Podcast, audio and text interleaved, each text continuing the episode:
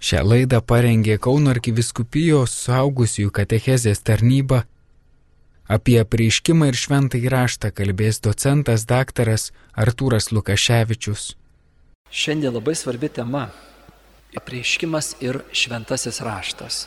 Šita tema, nu visos jos svarbios iš tikrųjų, bet šita tema tokia, labai norėčiau, kad pavyktų man perduoti, o jums suprasti šią temą E, nuo jos vėliau labai stipriai priklausys jūsų katalikiškumo sveikata. Apreiškimas. Dažnai girdimas žodis yra ir tam, kad mes pradėtume apie jį šnekėti, prisiminkime, kame yra žmogaus laimė. Žmogaus laimė ir tą žodį jūs vis tiek išmoksite per kurį laiką, yra bendrystėje. Ta bendrystė sužalojo esmiškai sužalojo žmogaus nusigrėžimas nuo Dievo. Žmogus nusigrėždamas nuo Dievo ir atsisakydamas pasitikėti, jog Dievas nori jam gero, jam nori laimės, jisai įveda didžiulę betvarkę, didžiulį chaosą e, į save patį ir jisai praranda labai svarbes esminės galės, labai svarbi, svarbus dalykai yra e, sužalojami žmoguje. Ir viena iš tų esminių galių ir yra gebėjimas užmėgsti bendrystę. Todėl, kad žmogus yra intuityviai, iš gilumos, nepasitikintis kitu. Ir tas nepasitikėjimas kitu e, sugadina, sugriauna žmogaus gebėjimą išeiti į bendrystę su kitu. O išeiti su, į bendrystę su Dievu iš viso yra puolusiam žmogui baisus dalykas, nes e, tai reikštų prarasti, atsisakyti kontrolės savo, atiduoti kontrolę tam, kuri jinai ir priklauso. Savo gyvenimo vairą atiduoti tam, kuris, kuriam tas vairas ir priklauso. Tai yra Dievui. Ir puolusiam žmogui tai yra šiurpa keliantis dalykas. Mes tveriamės į savo gyvenimėlį ir sakom, aš pats jį reguliuosiu ir niekam neduosiu. Niekam. Tas puolusio žmogaus. Tai yra žmogaus tragedija. Tas aklumas, užsidarimas nelaimėje ir negebėjimas išeiti iš jos. Ir štai, jeigu Dievas neteitų, jeigu Dievas nepadarytų intervencijos į šitą žmogaus kalėjimą, tai tada žmogus neturi šansų iš jo išeiti. Ir tas to kalėjimo išsipildymas galutinis yra pragaras. Ir Dievas ateina. Kadangi Dievas myli žmogų ir Dievas ateina į šį žmogaus kalėjimą. Tas ateimas Dievo į šitą žmogaus situaciją Dievui brangiai kainuoja. Ir štai mes per paskutinius mėnesius žvelgime, e, ką tai Dievui kainuoja. Jam kainuoja dalykus, kurie jam visiškai nebūdingi ir jam nereikalingi. Jam kainuoja kančią, vargą, patyrimą buvimo šioje žemėje tarp puolusių piktų ir nelaimingų žmonių, galų gale mirtį, baisę mirtį, visa tai jam visai nereikalinga. Ir jisai vis dėlto ateina ir išbūna su mumis tam, kad atvertų mus kelią į jo norimą gyvenimą. Taigi Dievas ateina į žmogaus gyvenimą.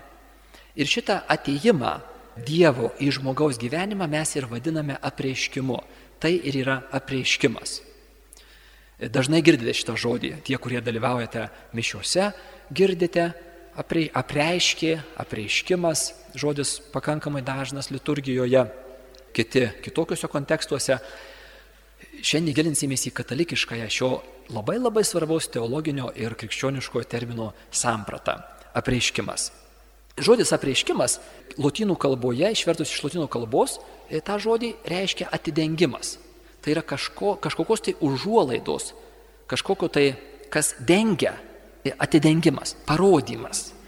Įsivaizduokime, kad mes e, sėdim labai keistam kambaryje. Sėdim kambaryje, kuriame langai yra su labai sunkiom užuolaidom didžiulėm, e, nepermatomom, bet tos užuolaidos yra iš anos pusės lango. Nežinom dėl kokių keistų priežasčių, bet jos yra iš anos pusės. Ir mes negalim sužinoti, kas yra anapus. Mes esame šiapus ir nežinome, kas yra anapus. Tai štai yra puolusio žmogaus būklė. Mes esame šitoje materialiojoje visatoje ir mes nemažai galime apie ją pasakyti, mokslas tyrinėja, reiškia įvairūs gamtamoksliai, kiti, kiti mokslai tyrinėja ir, ir mes šitą sužinom apie šitą visatą, materialėje. Bet kaip vienas mano dėstytojas, kunigas filosofas Juraitis sakė, jeigu visi mokslai susėstų prie vieno stalo ir pasakytų viską, ką jie žino, žmogus pamatytų, kad jie net nepradėjo kalbėti apie tuos klausimus, kurie jam labiausiai rūpi. O čia yra gamtamokslio. Aš pats save priskirčiau prie, esu ir studijavęs ir man labai patinka gamtos mokslo ir aš tikrai nemanau, kad jie nereikalingi. Bet ne tenais yra atsakymas. Ne, ne, ne fizikoje, ne chemijoje, ne, ne medicinoje, ne biologijoje, ne astronomijoje, ne astrofizikoje. Ne ten yra atsakymas. Man reikia kažko tai kito. Ir tai žmogus intuityviai jaučia, kad šitoj visatoj jisai neturi atsakymų. Ir jisai veržiasi į anapusybę. Ir jeigu kas prisimenate pirmasias paskaitas, kalbėjome apie tą žmogaus veržimąsi į anapusybę. E, per visą žmonijos istoriją žmogus yra į anapusybę orientuota būtybė. Jisai bando sužinoti, kas dedasi anapus. Ir visa religijų istorija yra, yra žudbūtinės pastangos, labai indirtingos pastangos išsiveršti ir sužinoti, kasgi yra anapus. Ir tos pastangos neduoda tų rezultatų, kokių žmogui reikia. Visos pasaulio religijos pasiekia tam tikrų pasiekimų. Tai yra žmogaus labai herojiško, labai dažnai žmogus yra labai švarios širdies, didžiulės drąsos, aiškaus proto, besiveržiantis į anapusybę, bet jis yra vis tik tai tik žmogus. Silpnas, puolęs, darantis klaidas. Reikalinga kažkas tai kokybiškai kito. Ir štai tas kokybiškai kažkas kito ir yra apreiškimas.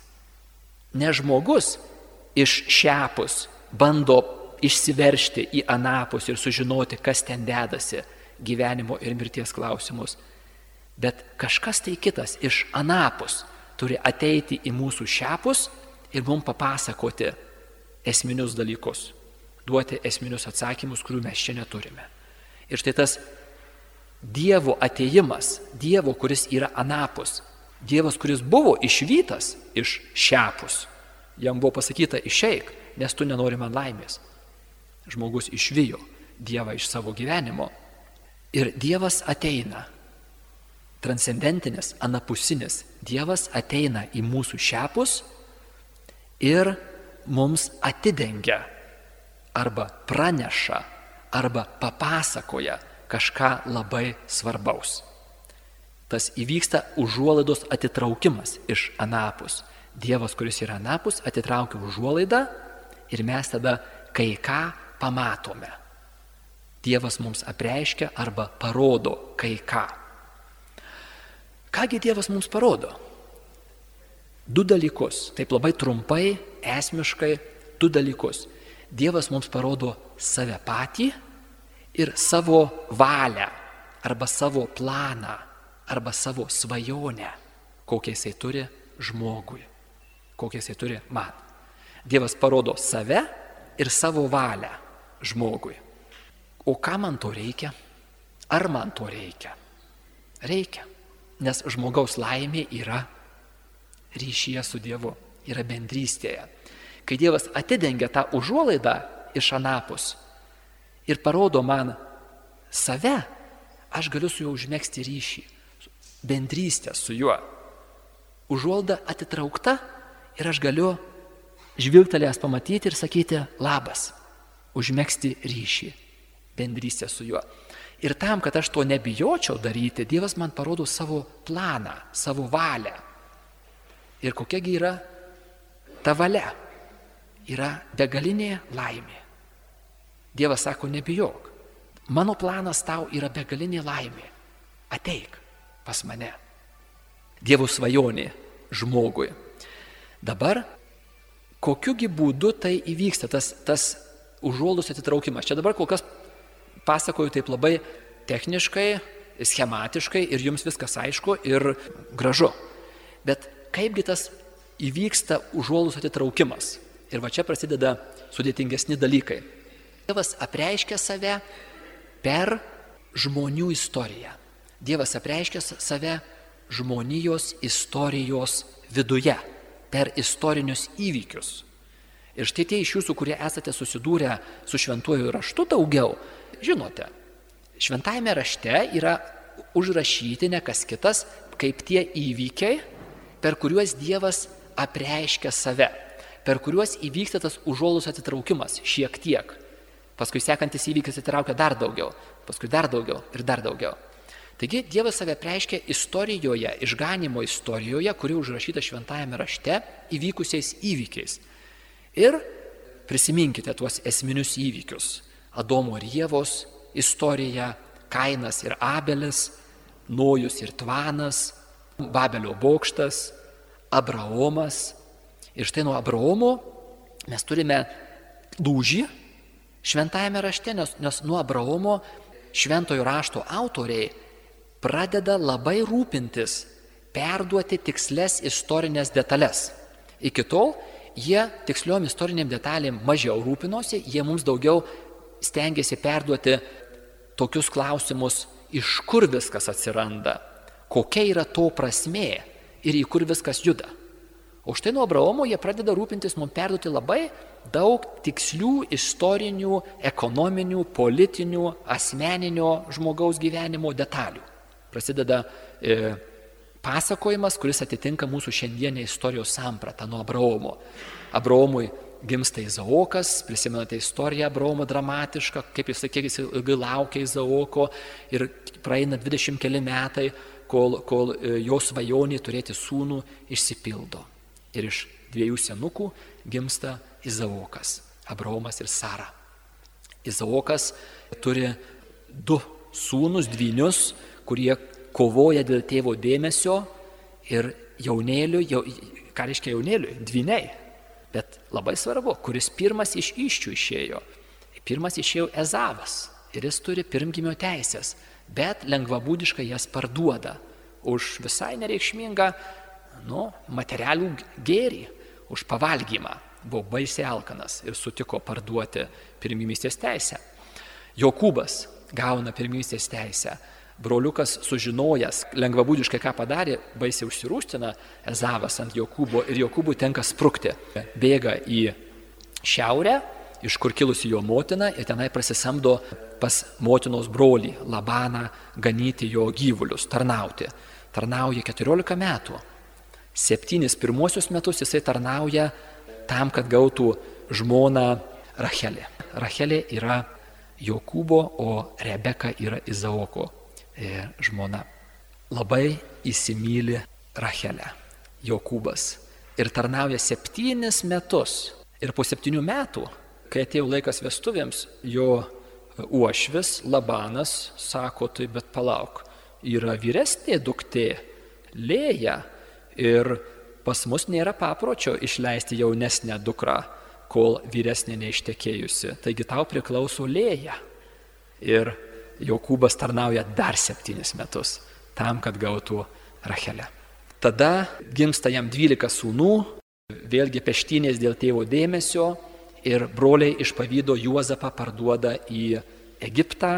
Egipto, tą istoriją tikriausiai žinote, gražią ir dramatišką. Juozapas Egipte padaro karjerą puikią, tampa Egipto ministrų pirmininko, antras žmogus po faraono. Istorija klostosi taip, kad visą savo tėvo giminę atsikviečia į Egiptą.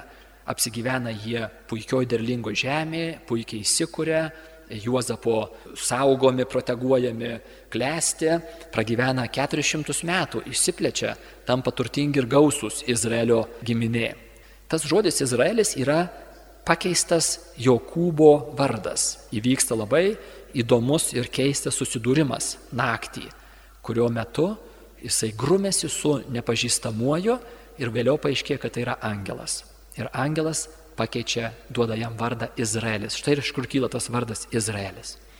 Izraelitai Egipte tampa gausūs, tačiau praėjus 400 metų pasikeičia Egipte valdžiusios faraonų dinastijos ir faraonas naujasis pradeda spausti izraelitus. Tada jie šaukėsi Dievo pagalbos, Dievas kviečia Mozę, Mozė labai nenoriai sutinka ir bendradarbiauja. Iš pradžių nenoriai, vėliau įsitraukia iš viso širdies į šitą išlaisvinimo darbą ir Mozės vedami izraelitai išeina iš Egipto. Dramatiškasis perėjimas per Raudonąją jūrą. Istorija yra maždaug 1300 kažkelintieji metai prieš Kristų. Čia jau turim labai istorinius e, duomenis apie tai. Sandora prie Sinajaus kalno. Sudarius sandorą, izraelitai prisėmė įsipareigojimą sandorinį, dešimt dievų įsakymų, dekalogas. Deja, labai greitai sandora sulaužoma aukso veršio nuodėmė. Po aukso veršio nuodėmės pertvarkoma dievų tauta ir mozės vedami keliauja link Kanano, dėja išsigasta, nepaima Kanano. Po 40 metų dykumoje, po mozės mirties jau, Jozuės vedami izraelitai įžengia į Kananą, jį užima, įsikuria sėsliai ir turime šimtą metų vadinamojo teisėjų laikotarpio. Po teisėjų laikotarpio teisėjai tai yra tokia reiškia ne visai buvimas truputį išskirtiniais. Juos valdo tokie neformalūs lyderiai, teisėjai. O jie sako, mes norim karaliaus, mes norim būti kaip visos tautos. Ir paskutinis teisėjas Samuelis jiems sako, jūs nesat kaip visos tautos, Dievas yra jūsų karalius. Jūs esate išskirtiniai. Ir jie sako, nenorim. Mes norim būti kaip visi žmonės. Mes nenorim būti išskirtiniai. Dievas jiems duoda karalių - Saulis. Puikus vyras, atsidavęs Dievui, e, neišlaiko išbandymo valdžia. Savo gyvenimą baigia tragiškai. Po Sauliaus mirties karaliauja Dovydas, vyras pagal dievų širdį. Vienintelis žmogus, apie kurį šventame rašte pasakyta kelis kartus - vyras pagal dievo širdį labai stipriai nusideda Dovydas. Dviem labai svarbiem dekalogo įsakymams nusideda - nežudyk ir nepaleistuvauk. Tačiau iš viso širdies gailėsi ir jam yra atleidžiama, tačiau nuodėmės atneštas, atnešta žala, sugriovimas labai destruktyviai reiškiasi Dovido namuose. Suirutės, maištai vidiniai, sūnus sukyla prieš tėvą ir Dovido antroji karaliavimo pusė yra labai apkartinta. Po Davido mirties jau sunus Saliamonas užima sostą ir karaliauja jaunas, puikus, išmintingas vyras. Deja, Saliamonas labai stipriai pasiduoda turto apžavams. Ir jo gyvenimo pabaigoje izraelitai yra gerokai nukrypę nuo tos pradinės tiesios linijos, to kelio, kurį Dievas norėjo savo tautai, kad jie jame būtų. Po Saliamono mirties karalystė skyla, įvyksta pilietinis karas, labai destruktyvus. Karalystė skyla į šiaurinę ir pietinę karalystės, prasideda suiručių nuosmukio laikotarpis ir po pusantro šimto metų šiaurinę karalystę sunaikina nauja iškilusi imperija Asirija. 721 metais prieš Kristų šiaurinės karalystės sostinė, gražus įtvirtintas Samarijos miestas žlunga. Pietinė karalystė per plauką išvengia to paties likimo ir dar išgyvena dar 200 metų. Tačiau iškyla nauja imperija - Babilonija ir žlunga ir pietinė karalystė. Tremtis, Babilonijos tremtis. Izraelitai labai rimtai priima šią skaudžią, tragišką patirtį tremties ir nusprendžia daugiau nedaryti kompromisų, tarnauti Dievui visą širdimi, paklusti Dievui iš visų jėgų. Paklusti Dievui reiškia klausytis Mozės nurodymų. Mozė yra pagrindinis įstatymų davėjas ir jisai nurodo, ką reiškia klausyti Dievo. Po tremties turime Persijos laikotarpį, 200 metų pakankamai ramaus, gero laiko, atsikūrimo laiko Izraelyje sugrįžusio. Tada Persija užkariauja Aleksandras Makedonietis, 300 kažkelintieji metai prieš Kristų ir Izraelis papuola Graikijos įtakon. Po Aleksandro jauno vyro mirties 330 metai prieš Kristų jo imperija padalinama į dvi imperijas. Ir ta dalis, į kurią patenka Izraelis, pradžioje yra labai palanki Izraeliui. Jie leidžia izraelitams puoselėti savo kultūrinės, religinės, tautinės vertybės ir, ir Izraeliui tik to ir te reikia. Tačiau po pusantro šimto metų situacija pasikeičia ir kita imperijos dalis užima tą teritoriją, kuriame gyvena izraelitai ir jie vykdo priverstinę e, helenizaciją, priverstinį graikinimą. Ir prasideda Seno testamento kankinystės laikotarpis. Įvyksta makabėjų sukilimas. Mažulytė tauta sukyla prieš milžinišką imperiją ir keistas dalykas - laimė. Susikuria nedidukė, tačiau nepriklausoma judėjos valstybė, jie įsilaiko 80 metų, tačiau 63 metais prieš Kristų žlunga Romos karvedys Pompėjas užkariauja ją įžengia į Jeruzalę ir prijungia prie Romos imperijos. Ir priartėjame prie, visai esame šalia Jėzaus gyvenimo, Jėzaus įvykių. Jėzaus gyvenimo gyvenamų laiku Izraelitai yra Romos okupuoti, milžiniškos imperijos provincija, valdoma statytinių karalių arba dalis teritorijos yra valdoma tiesiogiai Romos vietininko prokuratoriaus vadinamojo. Šitie įvykiai, kuriuos aš labai pagreitintai perbėgau dabar su jumis, ir yra tie istoriniai įvykiai, per kuriuos Dievas apreiškia save. Štai Dievas apreiškia save žmonijos istorijoje per istorinius įvykius. Kokiu būdu? Štai kokiu būdu. Imkime jums tikriausiai visai neblogai žinomą pasakojimą apie išėjimą iš Egipto ir perėjimą per Raudonąją jūrą. Tikriausiai esate matę ir filmų, ir, ir be abejo skaitę esate, ir girdėję, gal ir visai daug apie tai esate girdėję. Tas išėjimo iš Egipto įvykis. Po to įvykio Izraelitai, kas ten buvo? Mozės vedami, Izraelitai išeina iš Egipto labai dramatiškai išeina, nes faraonas juos nenoriai išleidžia. Ir štai jie išeina iš Egipto, faraonas yra dievybė, jisai yra vienas iš svarbiausių Egipto dievų įsikūnymas, su juo juokauti, nu, kaip sakant, labai nepatartina.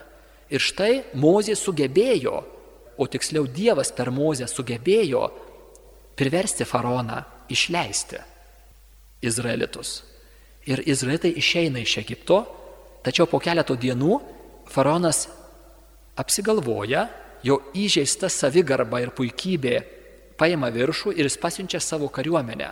O tai reiškia to meto stipriausios valstybės reguliarią kariuomenę, kad jis sugražintų šią milžinišką vergų grupę į faraono nuosavybę.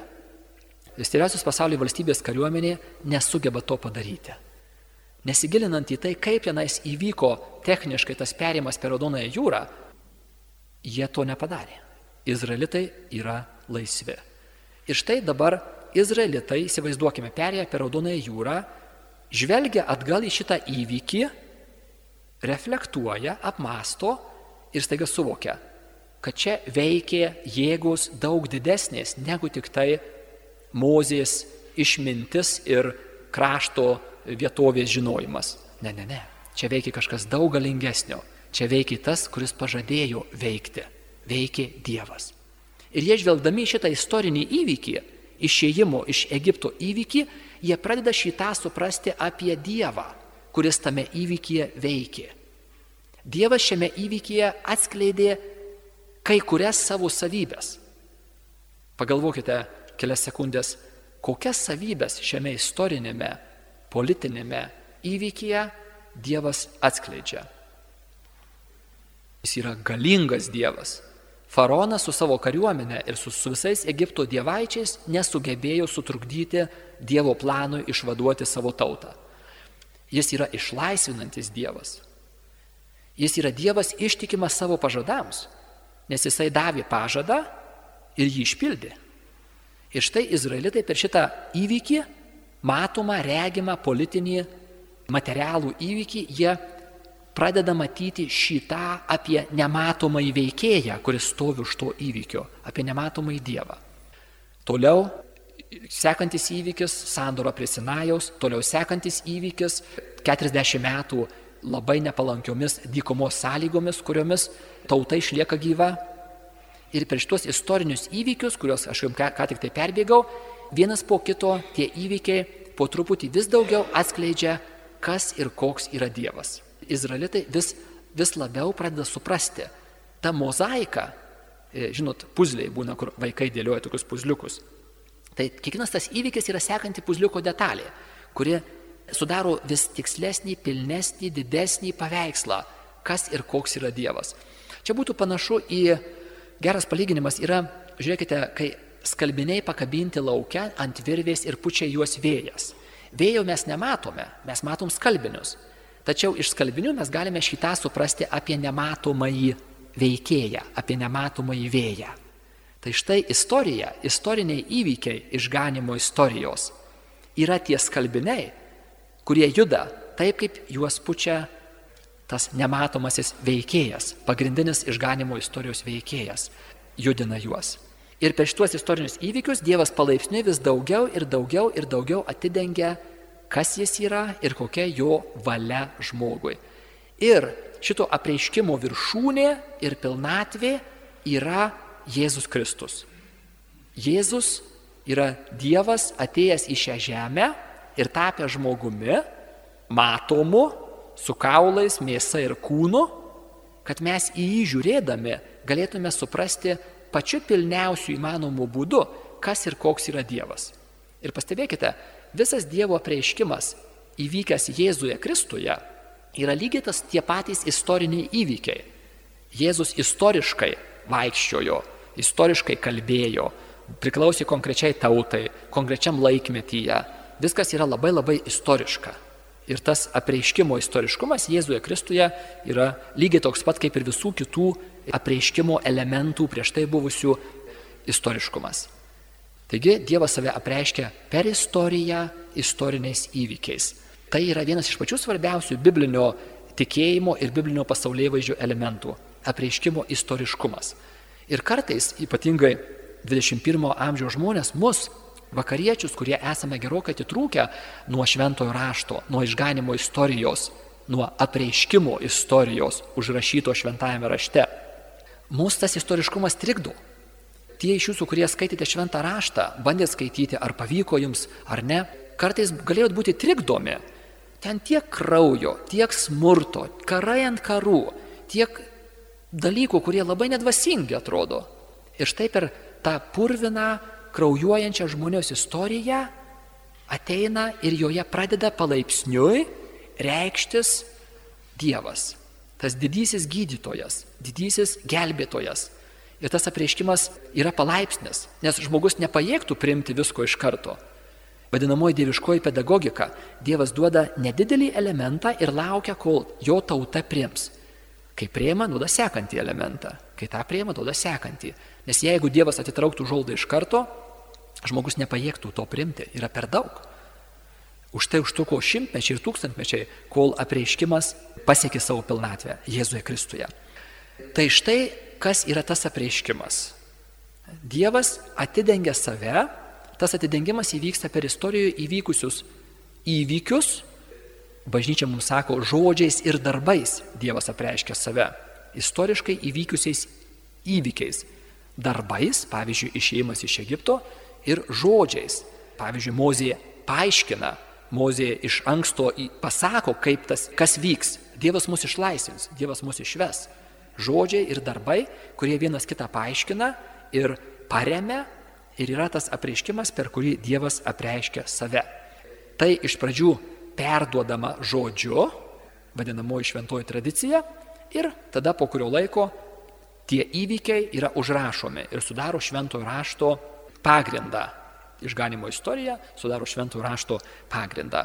Yra ir kitų knygų, šventajame rašte yra žanrų įvairovė, ne vien tik tai istorinės knygos, yra ir kitokių, ne vien tik apie istoriją pasakojančių tekstų, bet siužeto pagrindą sudaro istorija, išganimo istorija. Tai štai Dievo žodis, Dievas prabyla į mus. Apreiškimas ir yra Dievo žodis, per kurį jisai mums papasakoja, kas ir koks jis yra, ir tada mes galime su juo užmėgsti bendrystę. Toje bendrystėje yra mūsų laimė. Dievas mums parodo ne tik tai, kas ir koks jis yra, bet tame prieiškime mes suprantame ir kas žmogus yra. Tame prieiškime mes suprantame, kame yra žmogaus laimė. Tame prieškime mes suprantame, kas yra pasaulis ir kaip jis turėtų funkcionuoti, kokią vietą tame pasaulyje užima žmogus. Mes sužinome tiesą apie pasaulį, apie žmogų, apie Dievą. Žmogus trokšta tiesos, tiesa žmogui yra reikalinga. Žmogus trokšta sužinoti, kaip dalykai yra iš tikrųjų, kad galėtų juos teisingai tvarkyti. Tai štai yra apreiškimas, kuris pasiekia mus pačią svarbiausią savo formą, e, labai svarbią formą šalia tos tradicijos šventosios yra šventasis raštas. Tai dabar likusias 15 minučių noriu skirti šventajam raštui. Šventas raštas yra tos išganimo istorijos, tų įvykių užrašymas, aprašymas, fiksavimas raštu. Tas fiksavimas raštu yra ne tik tai, tai kad tie įvykiai užfiksuoti, per kuriuos Dievas apreiškia save, bet ir pats užrašymas yra Dievo tiesiogiai įtakojamas, Dievo tiesiogiai kontroliuojamas. Ir tą kontroliavimą mes vadiname įkvėptumu. Šventas raštas yra Dievo įkvėptas. Ką tai reiškia? Šventas raštas turi savo žmogiškus autorius. Jų yra pakankamai daug, aš tuoj apžvelgsiu švento rašto užrašymo istoriją. Bet buvo konkretų žmonės, kurie užrašė tuos tekstus. E, jie įsiskirsto po maždaug tūkstančio metų laikotarpį, kame buvo rašomos švento rašto knygos. Tačiau kiekvieną iš švento rašto autorių, žmogiškųjų autorių, tiesiogiai įtakoja Dievas. Ir tas įtakojimas vadinamas yra įkvėpimas. Įkvėpimas yra tas būdas, per kurį Dievas pasirūpina, kad tai, kas užrašoma, būtų Dievo norėti dalykai, kad būtų užrašyta teisingai. Ne, ne žmogiškai, bet kad Dievas tai, ką Dievas nori. Ir štai aš jums paskaitysiu iš jaunimo katekizmo Juketo gabaliuką, kuriame aiškina įkvėptumą. Šventojo rašto knygos tvirtai, ištikimai ir be klaidos moko tiesos, nes jos yra įkvėptos. Tai yra surašytos įkvėpus šventai dvasiai, o jų autorius yra Dievas. Šventosioms knygoms užrašyti Dievas pasirinko žmonės, kurie būdami įrankiai naudojosi savo sugebėjimais bei jėgomis, kad Dievui veikiant juose ir per juos, kaip tikri autoriai, užrašytų visą ir tik tai, ko jis, tai yra Dievas, norėjo.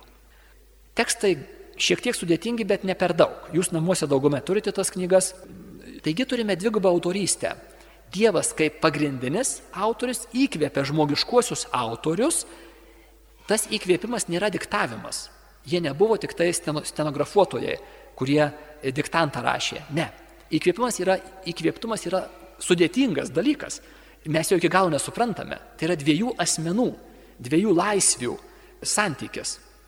Ir mes net dviejų žmonių santykių nesuprantame. Žiūrėkit, psichologija kiek knygų prirašė ir iš tikrųjų argi iki galo paaiškino, kas dedasi tarp vyro ir žmonos santokoje, arba kas dedasi tarp tėvo ir vaiko, tarp mokytojo ir mokinio. Šiek tiek paaiškino, bet ko gero daugiau nepaaiškino, negu paaiškino. O čia turime Dievą, kaip asmenį ir žmogų kaip asmenį. Ir vyksta jų tarpusavio artima bendrystė, Dievas įkvepia ir žmogus užrašo, bet užrašydamas jisai naudojasi visom savo turimom galiom - savo išsilavinimu, savo žodynu, savo temperamentu, savo kultūriniais supratimais, jisai naudojasi, jisai yra to laikmečio vaikas ir štai tame laikmetyje Dievas jį įkvepia užrašyti tai, ką Dievas nori ir tik tai tai ir taip, kaip Dievas nori. Ir štai mes turime tas įkvėptumas, yra Dievo žodis žmonių žodžiais, tam, kad mes galėtume suprasti. Dievas prabyla į mus žmonių žodžiais ir tai yra tas įkvėptumas. Kadangi šventas raštas yra įkvėptas Dievo, Dievas yra tiesa, šventas raštas yra tiesa, jisai yra neklaidingas. Tačiau tas neklaidingumas neapima absoliučiai kiekvieno švento rašto teiginio Ta prasme, kad autoriai, kaip žmogiškiai autoriai, būdami savo laikmečio vaikai, jie naudojo to laikmečio supratimus. Tame tarpe ir, pavyzdžiui, gamtamokslinius to laikmečio supratimus, kurie aiškiai netitiko realybės. Dievas leidžia tą naudoti, nes Dievo tikslas per šventą raštą nėra pamokyti mus gamtos mokslų. Garsus pasakymas yra, šventas raštas mus moko ne kaip juda dangus, bet kaip judama į dangų. Taigi, šventas raštas gamtos, istorijos ir kitų mokslų Dievo tikslas nebuvo mums perduoti daug informacijos apie fiziką, astronomiją ir visą kitą. Dievo tikslas buvo mums perduoti esminius dalykus reikalingus mūsų išganimui. Tai štai tie dalykai yra amžinos tiesos ir Dievas tiesiogiai pasirūpina, kad tenais klaidos nebūtų. O tai, kokiais būdais tai yra perduodama, pasinaudojant to meto kultūriniais, istoriniais, gamtamoksliniais supratimais, jie yra tokie, kokie tuo metu buvo, nes kitaip Dievui būtų reikėję parašyti tokią rimtą biblioteką apie žvaigždžių sandarą, paukščių taką ir e, Saulės sistemą ir visą kitą. Ir jis tuo neužsėma. Galim kelti klausimą, kodėl, bet e, nu, faktas, kad jis tuo neužsėma. Perteikti mums istorijos ar gamtos mokslų žinias nėra Biblijos tikslas. Be to įkvėptieji autoriai buvo savo metų vaikai. Jų supratimas atitiko jų laikus ir aplinką ir kartais jie buvo klaidingo suvokimo kaliniais. Tačiau viskas, ką žmogus turi žinoti apie Dievą ir apie savo išganimo kelią, šventajame rašte perteikta tiksliai ir be jokios klaidos. Kartais galite girdėti priekaištus dėl štai šitų dalykų juokiasi. Nežinau, aš, aš savo laiku prisiminiau, pris, tikrai girdėjau sovietmečių, ha, ha, ha, švento rašto pirmosiuose skyriuose pasakojama apie, apie žemę, kuri tenais reiškia kažkaip tai e, kaip blynas ant vandens yra, ten jie laiko stulpai kažkokie tai, labai jokinga. Ir, ir buvo šaipomasi iš, iš šitų tekstų, be abejo specialiai neįsigilinant ir nenorint įsigilinti, ką iš tikrųjų tie tekstai mums norėjo pasakyti į Nojaus arką dinozaurai tilpo ar netilpo? Ha, ha, ha, labai jokinga. Ir panašus klausimai tikrai yra naudojami pašiepti tikėjimą ir nežinant šitų dalykų, e, kuriuos labai trumpai čia pristatau, galima pakliūti į, nu, tikrai tokius nesusi, nesusipratimus didelius. E, šventas raštas, kaip sakiau, yra e, užrašomas maždaug tūkstančio metų laikotarpyje E, kurį laiką jisai nešamas žodinėje tradicijoje, atmintyje tautos ir nešamas labai tiksliai. Kartai žmonės sako, nu bet palauk, žinai, žmogus gali pamiršti ir žmogus gali, nu, suklysti arba truputį pagražinti dalykus. Ir jeigu švento rašto tekstai atsiranda vėliau negu tie įvykiai, tai kokia yra garantija, kad, kad jie tiksliai atitinka tuos įvykius. Tai šičia, šita problema yra tipiška 21 amžiaus vakariečio problema, nes mes esame proto tinginiai. Ta patį pasakysiu ir apie save. E, mes turime tiek daug priemonių pagerinti mūsų gyvenimą ir palengvinti mūsų darbą, ypatingai protinį darbą, kad mes pamirštame savo protą net ir naudoti. Vėlgi, ačiū Dievui, esate ta auditorija, kuri visai gerai prisimenate, kai kompiuterių nebuvo. Ir netgi kai kurie prisimenate, kai kalkulatorių nebuvo. Ir ką, ką darėt, kai nebuvo kalkulatorių? Skaičiavome ant popieriaus, tulpeliu, jokių problemų. Tačiau jeigu turime tas, tas visas priemonės, mes, mūsų protai atrofuojasi. Pavyzdžiui, kaip jums patiktų toksai, tokia užduotis?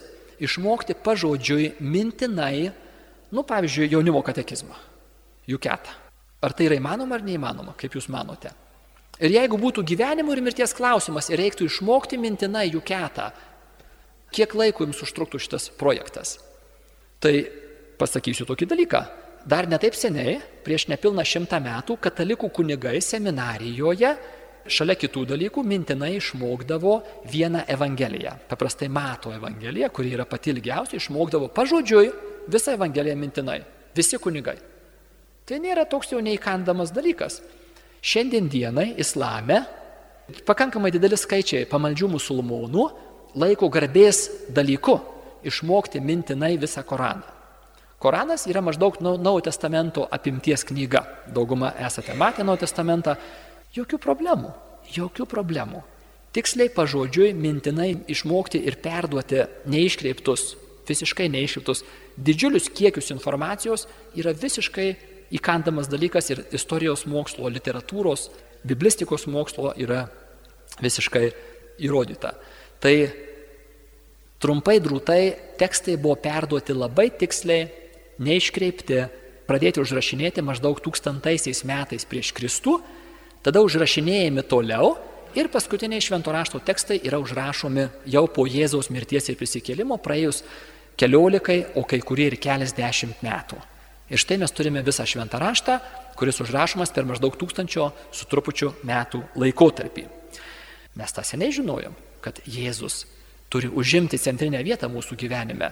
Ir Šilovoji Marija verkia, kad nėra jos sūnus centrinėje mūsų širdžių vietoje. Arba Dievo gailestingumas seselėje Faustinai. Arba Lurdė. Arba Fatimoje. Tie privatus apreiškimai nepapildo, bet padeda mums, skreipia mus pilniau gyventi į tai, į tai, kas jau ir taip yra žinoma ir apreikšta. Ir už tai mes neturime turėti tokį baimingą, įtarų požiūrį, kur kartais žmonės labai rūpinasi, kad ten kažkoks tai prieiškimas, kur nors vykstantis pasaulio krašte, kažkas baisiai svarbaus yra prieiškiama ir mes ko gero nesužinosim, ir nesužinosim kažko svarbaus, tai nesureaguosim tinkamai visiškai nusiraminam. Viskas, ką reikia, jau mes žinome. Yra apreikšta ir užbaigta su Jėzumi Kristumi. Bažnyčia tą prieiškimą Jėzuje užbaigtą neša, aiškinasi ir mums dalina. Tiek, kiek mūsų širdys ir protai tik tai yra atviri. Tie privatus apreiškimai, kurie yra, kurie yra svarbus, bažnyčia mums parodo, pabrėžia juos. Ir neturim būti tokie nuogastingi ir kažkaip labai pergyventi, kad čia, kad tik tai ko nors svarbaus nepraleisčiau.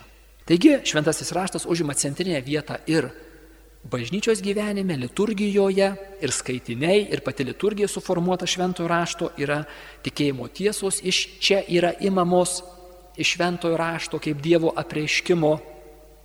Ir kasdienėme krikščionio kataliko gyvenime vieta yra centrinė. Tai va nuo šiandien dienos mes nagrinėsime detaliai tas tikėjimo tiesas, tuos gyvenimo gairias, kurias Dievas mums apreiškia šventajame rašte, kurios yra pasiekiamos per šventąjį raštą. Apie prieiškimą ir šventąjį raštą kalbėjo docentas daktaras Artūras Lukaševičius.